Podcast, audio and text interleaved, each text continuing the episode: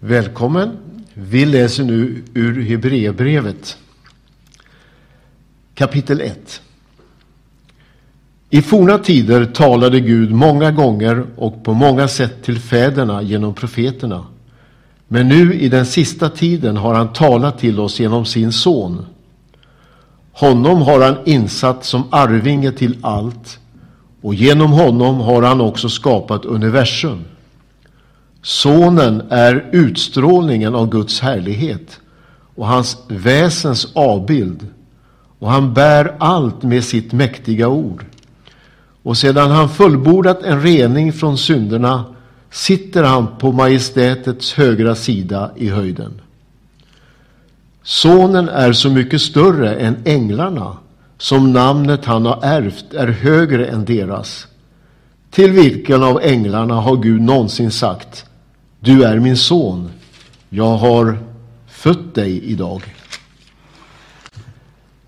Eller jag ska vara hans far och han ska vara min son.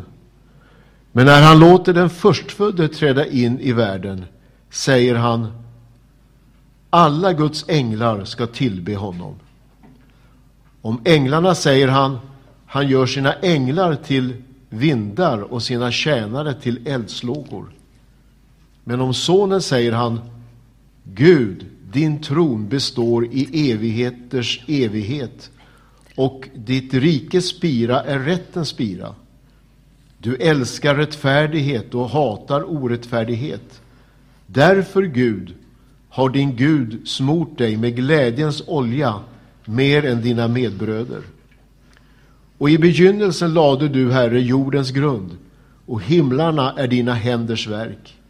Det ska gå under, men du ska bestå. Det ska alla nötas ut som kläder. Du ska rulla ihop dem som en mantel och det ska bytas ut som kläder. Men du är densamme och dina år har inget slut. Till vilken av änglarna har han någonsin sagt Sätt dig på min högra sida till jag lagt mina, dina fiender som en pall under dina fötter? Är inte änglarna andar i Guds tjänst, utsända för att hjälpa dem som ska ärva frälsningen?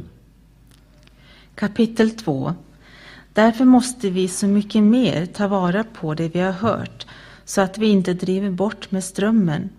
För om redan det ord som gavs genom änglar stod fast och varje överträdelse och olydnad fick sitt rättvisa straff, hur ska då vi kunna ska då vi komma undan om vi inte bryr oss om en sådan frälsning? Den förkunnades först av Herren och bekräftades sedan för oss av dem som hade hört honom. Även Gud gav sitt vittnesbörd genom tecken och under och olika kraftgärningar och genom att dela ut den helige Ande efter sin vilja. Det är inte under änglar han har lagt den kommande världen som vi talar om. På ett ställe har någon vittnat. Eh, vad är då en människa att du tänker på henne eller en människoson att du tar hand om honom? En liten tid lät du honom vara lägre än änglarna. Med härlighet och ära krönte du honom. Allt lade du under hans fötter. När han lade allt under honom utelämnade han inget. Allt skulle vara lagt under honom.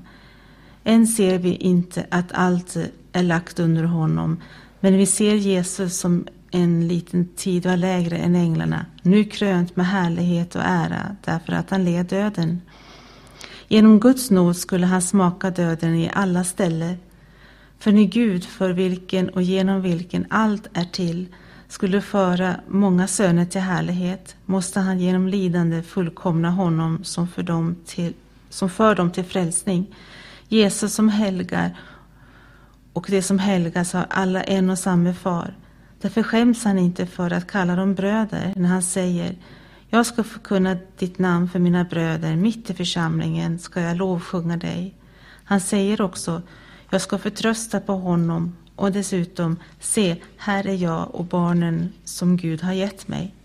När nu barnen hade fått del av kött och blod tog han sig själv på liknande sätt del av detta för att genom sin död göra den maktlös som hade makt över döden, alltså djävulen, och befria alla dem som av rädsla för döden levt i slaveri hela sitt liv. Det är ju inte änglar han tar sig an, utan Abrahams barn. Därför måste han bli lik sina bröder i allt, för att bli en barmhärtig och trogen överstepräst inför Gud och sona folkets synder. Genom att han själv har fått lida och blivit frestad kan han hjälpa dem som frestas. Kapitel 3 Därför, ni heliga bröder som har fått del av en himmelsk kallelse, se på Jesus, den apostel och överstepräst som vi bekänner oss till. Han var betrodd av den som insatte honom, liksom Mose var betrodd i hela Guds hus. Men Jesus är värd mer ära än Mose, liksom husbyggaren hedras mer än själva huset. Varje hus är byggt av någon, men Gud är den som har byggt allt. Mose var betrodd i hela Guds hus som en tjänare för att vittna om det som sedan skulle förkunnas. Men Kristus är betrodd eh, som son att råda över Guds hus. Och hans hus är vi, när vi håller fast vid vår frimodighet och ära i hoppet.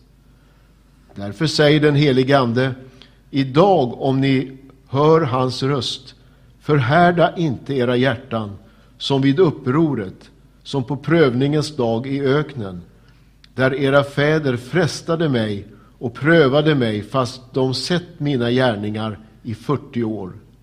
Därför var jag vred på det släktet och jag sade, det är ständigt vilsna i sina hjärtan, de känner inte mina vägar. Så svor jag i min vrede, de ska aldrig komma in i min vila. Bröder, se till att ingen av er har ett ont och trolöst hjärta, så att han avfaller från den levande guden. Uppmuntra varandra istället varje dag, så länge det heter idag, så att ingen av er förhärdas genom syndens makt att bedra. Vi är Kristi vänner om vi stadigt håller fast vid vår första tillförsikt ända till slutet. Det heter idag om ni hör hans röst, förhärda inte era hjärtan som vid upproret. Vilka var det då som hörde men ändå gjorde uppror? Var det inte alla det som Mose förde ut ur Egypten? Och vilka var han vred på i 40 år? Var det inte på dem som syndade och blev liggande som lik i öknen? Och vilka gällde hans ed, att de aldrig skulle komma in i hans vila, om inte dem som vägrade lyda? Vi ser alltså att det var på grund av otro som det inte kunde komma in. Kapitel 4 När nu ett löfte finns kvar om att få komma in i hans vila, låt oss då akta oss så att ingen av er visar sig gå miste om det. Evangeliet har förkunnats för oss liksom för dem, men de hade ingen nytta av ordet de hörde eftersom det inte smälte samman i tro med dem som lyssnade. Det är vi som, det är vi som tror som går in i vilan. Herren säger, eh, så svor jag i min vrede, det ska aldrig komma in i min vila. Ändå har hans verk stått färdiga sedan världens skapelse. För på ett ställe säger han om den sjunde dagen, och Gud vilade på den sjunde dagen från alla sina verk. Men här säger han, det ska aldrig komma in i min vila. Det står alltså fast att vissa går in i vilan och att de som först fick höra evangeliet inte kom in på grund av olydnad. Därför bestämmer han på nytt en dag, idag, när han långt senare säger genom David vad som redan är sagt. Idag, om ni hör hans röst, förhärda inte era hjärtan. För om Jesua hade fört dem in i vilan skulle Gud inte senare ha talat om en annan dag. Alltså kvarstår en sabbatsvila för Guds folk. Den som går in i hans vila får vila sig från sina gärningar, liksom Gud vilade från sina. Låt oss därför sträva efter att komma in i den vilan så att ingen kommer på fall som det och blir ett exempel på olydnad. Guds ord är levande och verksamt. Det är skarpare än något tvegat svärd och genomtränger tills det skiljer själ och ande, led och märg och det dömer över hjärtats uppsåt och tankar. Inget skapat är dolt för honom, utan allt ligger naket och blottat för hans ögon, och inför honom måste vi stå till svars. När vi nu har en så stor överstepräst som har stigit upp genom himlarna, Jesus, Guds son, låt oss då hålla fast vid, vid, vid vår bekännelse. Vi har inte en överstepräst som inte kan ha medlidande med våra svagheter, utan en som har varit frestad i allt, liksom vi, fast utan synd. Låt oss därför frimodigt gå fram till nådens tron för att få barmhärtighet och finna nåd till hjälp i rätt tid. Kapitel 5 Varje överste präst blir utsedd bland människor och insett för människors skull för att göra tjänst inför Gud och bära fram gåvor och offer för deras synder. Han kan ha medkänsla med dem som är okunniga och vilsna eftersom han själv är svag och därför måste bära fram syndoffer både för folket och för sig själv. Ingen tar sig denna värdighet, utan man blir kallad av Gud, liksom Aron blev det. Så var det också med Kristus.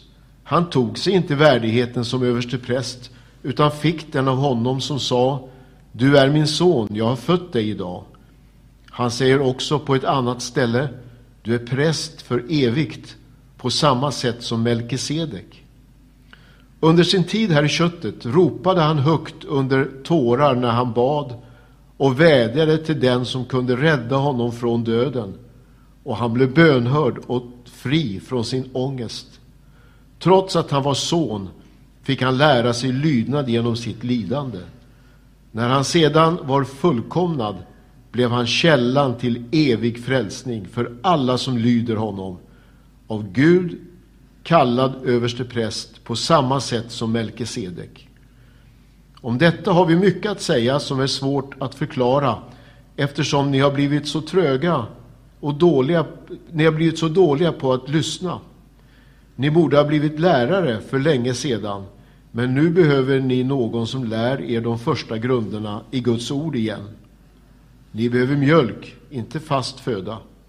Den som lever av mjölk är inte mogen för en undervisning om rättfärdighet, för han är fortfarande ett barn. Den fasta födan är till för vuxna, för dem som genom övning har fått sinnena skärpta till att skilja mellan gott och ont. Kapitel 6 Låt oss därför lämna bakom oss de första grunderna i Kristi lära och föras mot fullkomningen och inte lägga grunden igen med omvändelse från döda gärningar och tro på Gud, med undervisning om dop och handpåläggning, om de dödas uppståndelse och evigdom. Ja, så vill vi göra om Gud tillåter. Det som en gång har tagit emot ljuset och smakat den himmelska gåvan, fått del av den helige Ande och smakat Guds goda ord och den kommande världens krafter, men sedan avfallit, de går det inte att föra till ny omvändelse då de själva korsfäster Guds son på nytt och hånar honom offentligt. En åker som dricker det regn som ofta faller på den och som ger god skörd åt dem som den odlas för, den åken får välsignelse från Gud. Men bär den törnen och tistlar är den värdelös och farligt nära förbannelsen. Slutet blir att den bränns av. Men när, när det gäller er, våra älskade, är vi övertygade om det bästa, det som, för fräl, det som för till frälsning, trots att vi talar på detta sätt. Gud är inte orättvis. Han glömmer inte vad ni har gjort och vilken kärlek ni visat hans namn genom att tjäna det heliga, nu som förr. Men vi önskar att ni var och en ska visa samma iver att bevara den fulla vissheten i hoppet ända till slutet, så att ni inte blir tröga utan följer dem som genom tro och tålamod får det utlovade arvet. När Gud gav löftet till Abraham svor han vid sig själv eftersom han inte hade något högre att svära vid. Han sa, jag ska rik, rikligt välsigna dig och rikligt föröka dig. Så fick Abraham efter tålmodig väntan vad Gud hade lovat. Människor svär vid den som är större än de själva och eden blir en bekräftelse som gör slut på alla invändningar. När Gud ännu klarare ville visa för löftets arvingar hur orubbligt hans beslut är bekräftade han det med en ed. Så skulle vi genom två orubbliga uttalanden där Gud omöjligt kan ljuga få en kraftig uppmuntran. Vi som har sökt vår tillflykt i att hålla fast vid det hopp vi har framför oss. Detta hopp har vi som ett tryggt och säkert själens ankare som når innanför förhänget. Dit gick Jesus in och öppnade vägen för oss när han blev överstepräst för evigt på samma sätt som Melkisedek. Kapitel 7 Denne Melkisedek var kung i Salem och präst åt Gud den högste. Han mötte Abraham på hans väg tillbaka efter segern över kungarna. Melkisedek välsignade honom och Abraham gav honom tionde av allt. Melkisedek betyder för det första rättfärdighetens kung och dessutom är han Salems kung, det vill säga fridens kung. Han står där utan far, utan mor och utan släktregister. Hans dagar har ingen början och hans liv har inget slut. Han är som Guds son och förblir präst för evigt. Se hur stor han är. Till och med vår stamfar Abraham gav honom tionde av sitt bästa byte. De av Levis söner som blir präster ska enligt lagen få tionde av folket, alltså av sina bröder, trots att de också härstammar från Abraham. Men Melkisedek, som inte var av deras släkt, fick tionde av Abraham och välsignade honom som hade fått löftena. Ingen kan förneka att det är den lägre som blir välsignad av den högre. I ena fallet är det dödliga människor som får tionde. I det andra är det en som har fått vittnesbördet att han lever. Och man kan säga att även Levi, som tar emot tionde, själv har gett tionde genom Abraham, eftersom han fanns till som ofödd i sin förfaders kropp när Melkisedek mötte honom. Om nu fullkomlighet hade gått att nå genom den levitiska prästtjänsten och på den grunden fick folket lagen, varför måste det då uppstå en annan präst, en som Melkisedek, en som inte sägs vara som Aron? För om prästtjänsten ändras måste också lagen ändras. Han som det talas om hör till en annan stam och från den stammen har ingen gjort tjänst vid altaret. Det är tydligt att vår Herre har kommit ur Judas stam och Mose har inget sagt om präster från den stammen. Ännu tydligare blir det när det uppstår en annan präst som Melkisedek, en som inte har blivit präst genom lagbud om härstamning, utan genom kraften i ett oförstörbart liv. Han får nämligen vittnesbördet du är präst för evigt, på samma sätt som Melkisedek. Så åsidosätts ett tidigare bud, eftersom det var svagt och kraftlöst. För lagen åstadkom aldrig något fullkomligt. Men ett bättre hopp har kommit, och inom det kan vi närma oss Gud. Dessutom kom det inte utan ed. De andra blev präster utan ed, men Jesus har blivit det genom en ed av den som sa till honom Herren har gett sin ed och ska inte ångra sig. Du är präst för evigt. Så mycket bättre är det förbund för vilket Jesus är garant. De andra prästerna har blivit fler och fler därför att döden hindrade dem för att stå kvar i sin tjänst. Men Jesus lever för evigt och därför har han ett prästämbete som är evigt. Därför kan han också helt och fullt frälsa dem som kommer till Gud genom honom, eftersom han alltid lever för att be för dem. Det var en sådan överstepräst vi behövde, en som är helig, oskyldig, obefläckad, skild från syndare och upphöjd över himlarna. Han måste inte bära fram offer varje dag som de andra överste prästerna, först för sina egna synder och sedan för folkets. Det gjorde han en gång för alla när han offrade sig själv. Lagen insätter svaga människor som överstepräster Men ordet som bekräftade med ed och kom efter lagens efter lagen insätter sonen som är fullkomlig för evigt. Kapitel 8 Här är huvudpunkten i det vi säger. Vi har en sådan överstepräst som sitter på högra sidan om majestätets tron i himlen och som tjänar i helgedomen, det sanna tabernaklet som Herren själv och ingen människa har rest. En överstepräst blir insatt för att frambära gåvor och offer och därför måste också Kristus ha något att bära fram. Hade han nu varit på jorden skulle han inte ens vara präst eftersom det redan finns andra som bär fram de offergåvor som lagen föreskriver. Det gör tjänst i en helgedom som är en kopia och skuggbild av den himmelska helgedomen så som Mose fick höra när han skulle bygga tabernaklet. Se till att du gör allt efter den mönsterbild som du har fått se på berget. Men nu har Kristus ett högre prästämbete, liksom han också är medlare för ett bättre förbund som är grundat på bättre löften.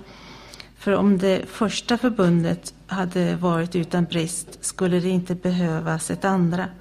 Men Gud förebrår dem när han säger Se, dagar ska komma, säger Herren, då jag ska sluta ett nytt förbund med Israels hus och med Judahus. Inte som det förbund jag slöt med deras fäder den dag jag tog deras hand och förde dem ut ur Egyptens land. För det blev inte kvar i förbundet med mig, så jag brydde mig inte om dem, säger Herren. Nej, detta är det förbund som jag efter denna tid ska sluta med Israels hus, säger Herren. Jag ska lägga mina lagar i deras sinne och skriva dem i deras hjärtan. Jag ska vara deras Gud och det ska vara mitt folk. Då ska ingen mer behöva undervisa sin landsman, ingen sin broder och säga Lär känna Herren. Alla kommer att känna mig, från den minste av dem till den störste, för jag ska i nåd förlåta deras missgärningar och aldrig mer minnas deras synder. När han talar om ett nytt förbund har han därför, därmed förklarat det förra föråldrat och det som blir gammalt och föråldrat är på väg att försvinna. Kapitel 9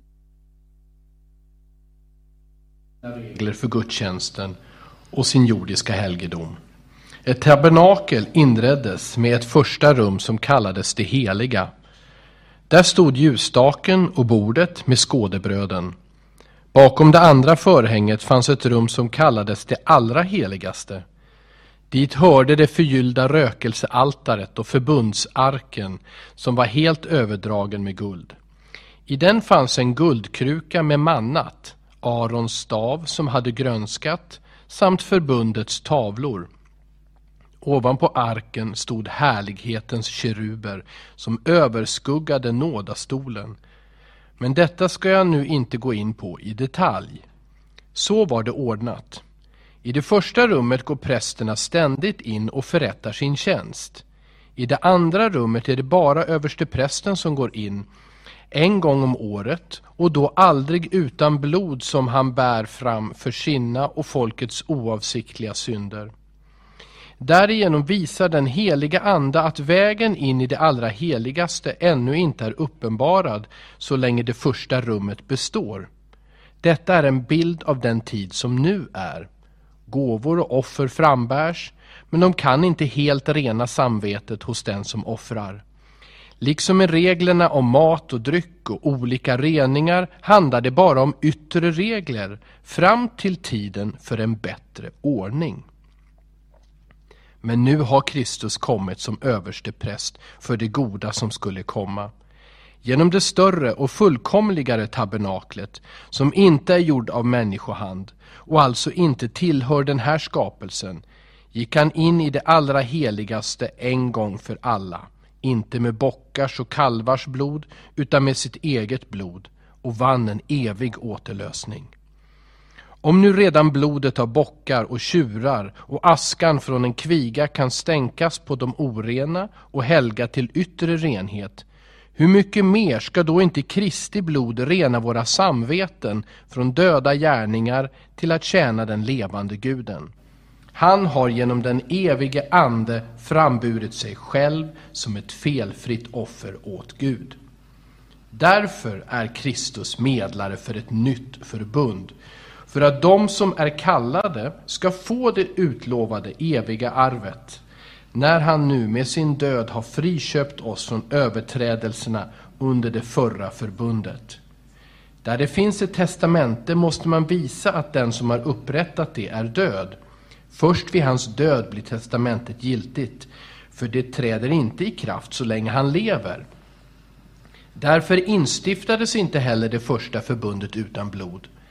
När Mose hade förkunnat lagens alla bud för hela folket tog han blodet av kalvar och bockar tillsammans med vatten, schalakansröd ull och isop och stänkte det både på själva bokrullen och på, på allt folket.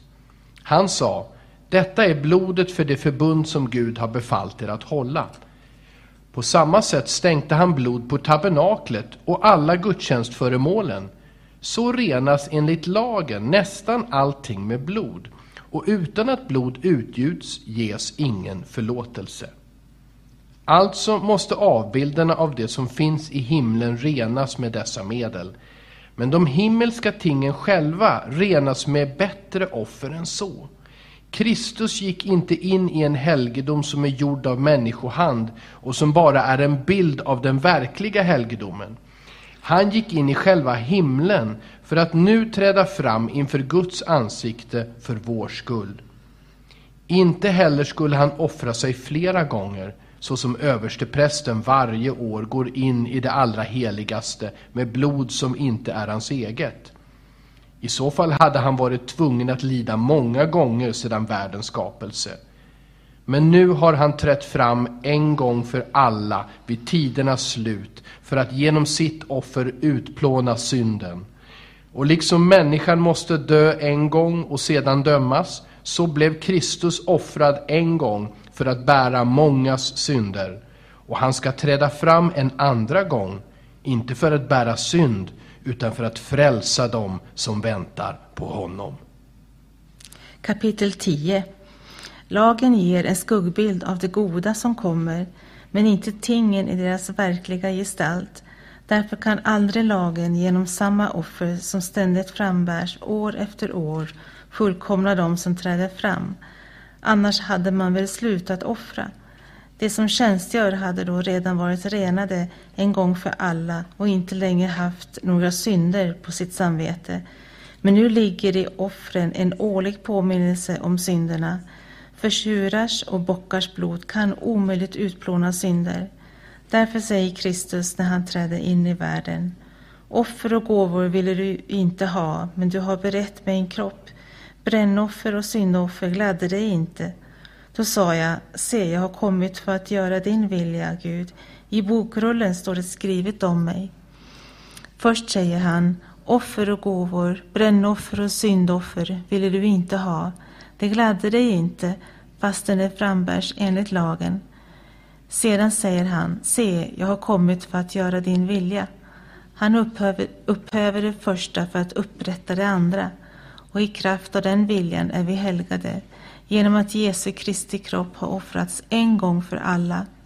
Alla andra präster står och förrättar sin tjänst dag efter dag och bär gång på gång fram samma offer som aldrig kan ta bort synderna.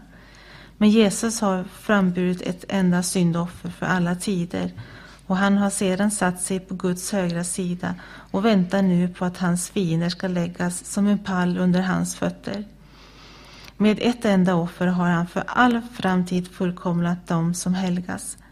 Även den helige Ande vittnar om detta för oss. Först säger han, detta är det förbund som jag efter denna tid ska sluta med dem.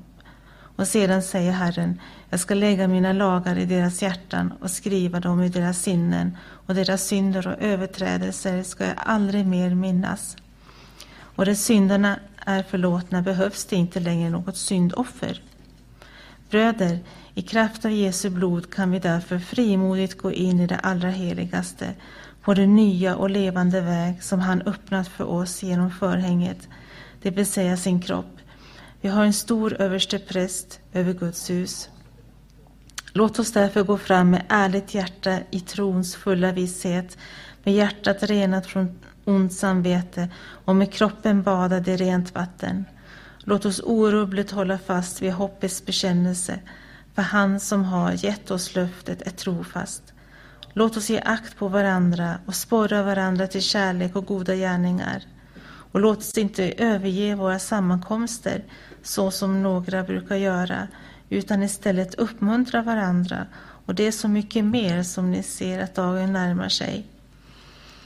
För om vi fortsätter att synda med vett och vilja efter att ha fått kunskap om sanningen, då finns inte längre något offer för synderna, eh, utan bara en fruktansvärd väntan på domen och en rasande eld som ska förtära motståndarna.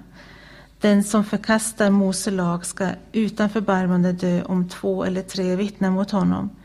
Hur mycket strängare straff tror ni då inte den förtjänar som trampar på Guds son, föraktar det förbundsblod som har helgat honom och som kränker nådens ande?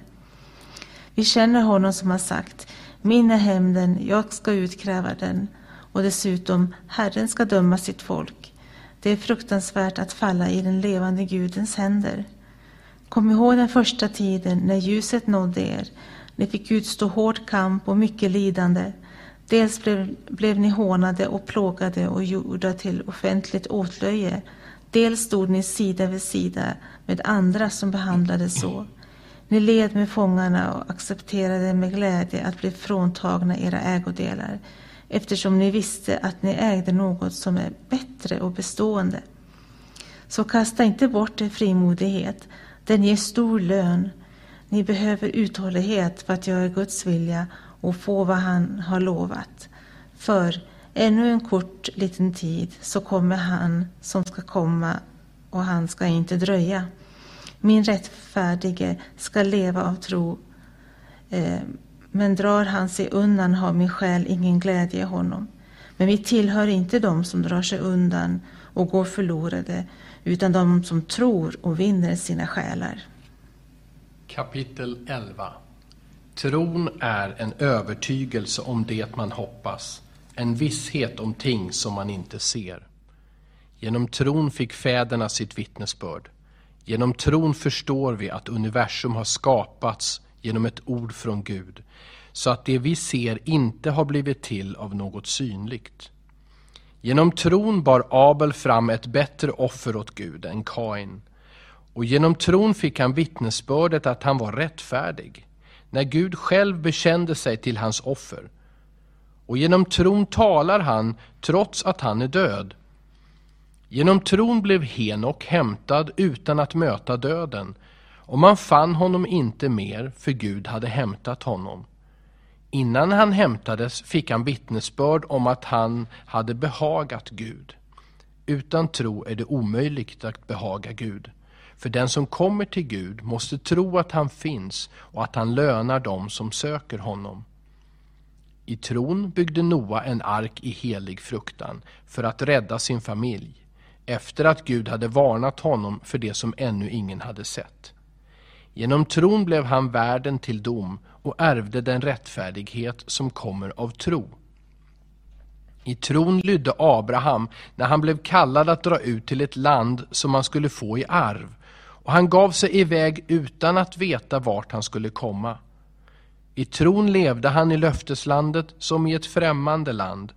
Han bodde i tält med Isak och Jakob som var medarvingar till samma löfte, för han väntade på staden med de fasta grundvalarna vars byggmästare och skapare är Gud. Genom tron fick även Sara, som var ofruktsam, kraft att bli mor till en ett fast hon var överårig. Hon tänkte att den som hade gett löftet var trofast. Därför fick också en enda man, så gott som död, barn så talrika som himlens stjärnor och oräkneliga som sandkornen på havets strand. I tron dog alla dessa utan att ha fått det som var utlovat. Men de hade sett det i fjärran, hälsat det och bekänt sig vara gäster och främlingar på jorden. De som säger så visar att de söker ett hemland. Hade de tänkt på det land som de lämnat så hade de haft tillfälle att vända tillbaka dit. Men nu längtade de till ett bättre land, det himmelska. Därför skäms inte Gud för att kallas deras Gud, för han har förberett en stad åt dem. I tron bar Abraham fram Isak som offer när han blev satt på prov. Sin enda son bar han fram, trots att han hade fått löftena. Och Gud hade sagt till honom, det är genom Isak din avkomma ska räknas. Abraham räknade med att Gud hade makt att till och med uppväcka från de döda, och därifrån återfick han honom också, bildligt talat.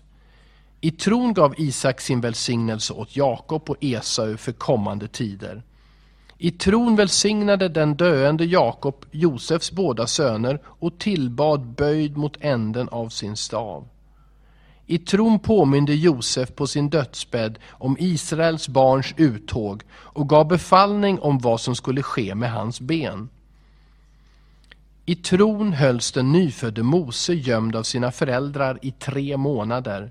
De såg att det var ett vackert barn och lät sig inte skrämmas av kungens påbud. I tron vägrade Mose som vuxen att kallas faraos dotterson. Han valde att hellre bli förtryckt tillsammans med Guds folk än att ha en kortvarig njutning av synden. Han räknade Kristi vanära som en större rikedom än Egyptens alla skatter, för han hade blicken riktad mot lönen. Genom tron lämnade han Egypten utan att frukta kungars vrede. Han höll ut därför att han liksom såg den osynlige. I tron firade han påsken och strök blodet på dörrposterna för att fördärvaren inte skulle röra deras förstfödda. I tron gick folket genom Röda havet som på torr mark. Men när egyptierna försökte drunknade de. Genom tron föll Jerikos murar efter att man hade gått runt omkring dem i sju dagar. Genom tron slapp den prostituerade Rahab att gå under med dem som inte trodde, eftersom hon välkomnade spejarna som vänner. Vad mer ska jag säga? Tiden räcker inte för att berätta om Gideon, Barak, Simson och Jefta, om David, Samuel och profeterna. Genom tron besegrade de kungariken, skipade rätt, fick löften uppfyllda, stängde lejons gap, släckte rasande eld och undkom svärdets ägg. De var svaga men fick kraft. De blev starka i strid och drev främmande härar på flykten. Kvinnor fick sina döda tillbaka genom uppståndelse. Andra blev torterade och accepterade ingen befrielse för de ville nå en bättre uppståndelse. Andra fick utstå hån och piskrapp, ja även bojor och fängelse. De blev stenade, söndersågade, dödade med svärd. De gick runt i fårskinn och gethudar, nödlidande, plågade och misshandlade. Världen var inte värdig att ta emot dem. De irrade omkring i öknar och bergstrakter, i grottor och hålor. Och fast alla dessa hade fått vittnesbörd för sin tro fick de inte det som var utlovat. Gud har nämligen förberett något bättre för oss. Först tillsammans med oss ska de nå fram till målet. Kapitel 12 När vi nu har en så stor sky av vittnen omkring oss, låt oss då lägga bort allt som tynger och särskilt synden som snärjer oss så hårt och löpa uthålligt i det lopp vi har framför oss. Och låt oss ha blicken fäst på Jesus, trons upphovsman och fullkomnare. För att nå den glädje som låg framför honom uthärdade han korset utan att bry sig om skammen och sitter nu på högra sidan om Guds tron. Tänk på honom som fick utstå sådan fiendskap från syndare så att ni inte tröttnar och tappar modet. Än har ni inte gjort motstånd ända till blods i er kamp mot synden och ni har glömt uppmaningen som talar till er som söner. Min son, förakta inte Herrens fostran och tappa inte modet när han tuktar dig. För den Herren älskar tuktar han och han agar var son han har kär. Det är för er fostran som ni får utstå lidande. Gud behandlar er som sina söner. Vilken son blir inte fostrad av sin far? Får ni inte fostran som alla andra, då är ni oäkta barn och inga riktiga söner. Vi hade våra jordiska fäder som fostrade oss och vi hade respekt för dem. Ska vi då inte ha så mycket mer ska vi då inte så mycket mer underordna oss andarnas far så att vi får leva? Våra fäder fostrade oss en kort tid så som de tyckte var rätt, men Gud gör det för vårt bästa, för att vi ska få del av hans helighet. För stunden verkar ingen fostran vara till glädje utan snarare till sorg. Men för dem som har tränats genom fostran ger den längre fram frid och rättfärdighet som frukt. Styrk därför kraftlösa händer och svaga knän. Gör stigarna raka för era fötter så att den haltande foten inte går ur led utan istället blir frisk. Sök frid med alla och helgelse, för utan helgelse kommer ingen att se Herren. Se till att ingen går miste om Guds nåd och att ingen bitter rot får växa upp och skada och smitta många. Se till att ingen är sexuellt omoralisk eller oandlig som Esau, som sålde sin förstfödslorätt för ett enda mål mat. Ni vet att när han sedan ändå ville ärva välsignelsen blev han avvisad. Han fann ingen möjlighet att ändra sig, trots att han sökte välsignelsen under tårar. Ni har inte kommit till ett berg som man kan ta på, till flammande eld och töcken, mörker och storm, till basunljud och en röst som talade sådana ord att de som hörde den bad att få slippa höra mer. De stod inte ut med det som befalldes. Även om det är ett djur som rör vid berget ska det stenas. Så skräckinjagande var synen att Moses sa, jag är skräckslagen och darrar. Nej, ni har kommit till Sions berg och den levande Gudens stad, det himmelska Jerusalem, till änglar i mångtusental, till en festgemenskap och församling av förstfödda som har sina namn skrivna i himlen. Till Gud som är allas domare och till andarna av rättfärdiga som nått fullkomningen. Ni har kommit till det nya förbundets medlare, Jesus, och det renande blodet som talar starkare än Abels blod. Se till att ni inte avvisar honom som talar. För om inte det kom undan som avvisade honom när han varnade dem här på jorden, hur ska då vi göra det om vi vänder ryggen åt honom som varnar oss från himlen? Den gången fick hans röst jorden att skaka, men nu har han lovat och sagt Än en gång ska jag skaka, inte bara jorden utan också himlen. Orden än en gång visar att det som skakas ska försvinna, eftersom det är skapat för att det som inte kan skakas ska bestå. När vi nu får ett rike som inte kan skakas, låt oss då vara tacksamma.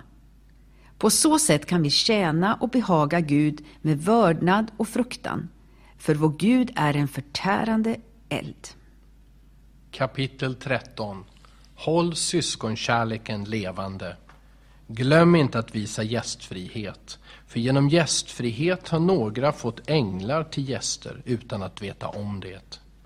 Tänk på dem som sitter i fängelse som om ni var deras medfångar och på dem som blir misshandlade som om det gällde er egen kropp.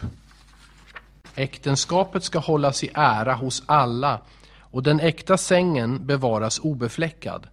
För Gud ska döma dem som är sexuellt omoraliska och äktenskapsbrytare.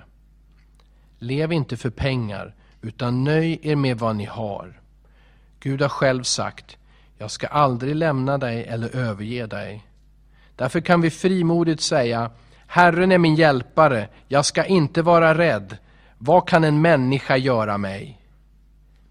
Tänk på era ledare som har förkunnat Guds ord för er. Se vad deras liv har lett fram till och ta efter deras tro. Jesus Kristus är densamme igår och idag och i evighet. Låt er inte föras bort av alla slags främmande läror. Det är gott att bli styrkt i sitt hjärta genom nåd och inte genom regler om mat som inte har hjälpt dem som har sysslat med sådant. Vi har ett altare från vilket tabernaklets tjänare inte har rätt att äta. Offerdjurens blod bärs in i det allra heligaste av översteprästen som syndoffer, men kropparna bränns upp utanför lägret. Därför har också Jesus lidat, lidit utanför stadsporten för att helga folket med sitt eget blod. Låt oss därför gå ut till honom utanför lägret och bära hans vanära. Här har vi ingen stad som består, men vi söker den stad som ska komma. Låt oss därför ständigt genom honom frambära lovets offer till Gud, en frukt från läppar som prisar hans namn. Och glöm inte att göra gott och dela med er, för sådana offer behagar Gud. Lyd era ledare och rätta er efter dem, för de vakar över era själar och ska avlägga räkenskap. Låt dem göra det med glädje och inte suckande, för det skulle inte vara lyckligt för er. Be för oss. Vi vet att vi har ett gott samvete och vill göra rätt på alla sätt. Särskilt vill jag att ni ber att jag snart ska få komma tillbaka till er. Fridens Gud har i kraft av ett evigt förbunds blod fört fårens store herde, vår Herre Jesus, upp från de döda. Må han fullkomna er i allt gott så att ni gör hans vilja. Och må han verka i oss det som behagar honom genom Jesus Kristus. Hans är äran i evigheters evighet. Amen. Jag ber er bröder att lyssna tåligt till mina förmanande ord. Jag har ju skrivit kortfattat till er. Jag kan berätta för er att vår broder Timoteus har blivit frisläppt. Kommer han snart ska jag besöka er tillsammans med honom. Hälsa alla era ledare och alla de heliga. Bröderna från Italien hälsar er. Nåden vare med er alla.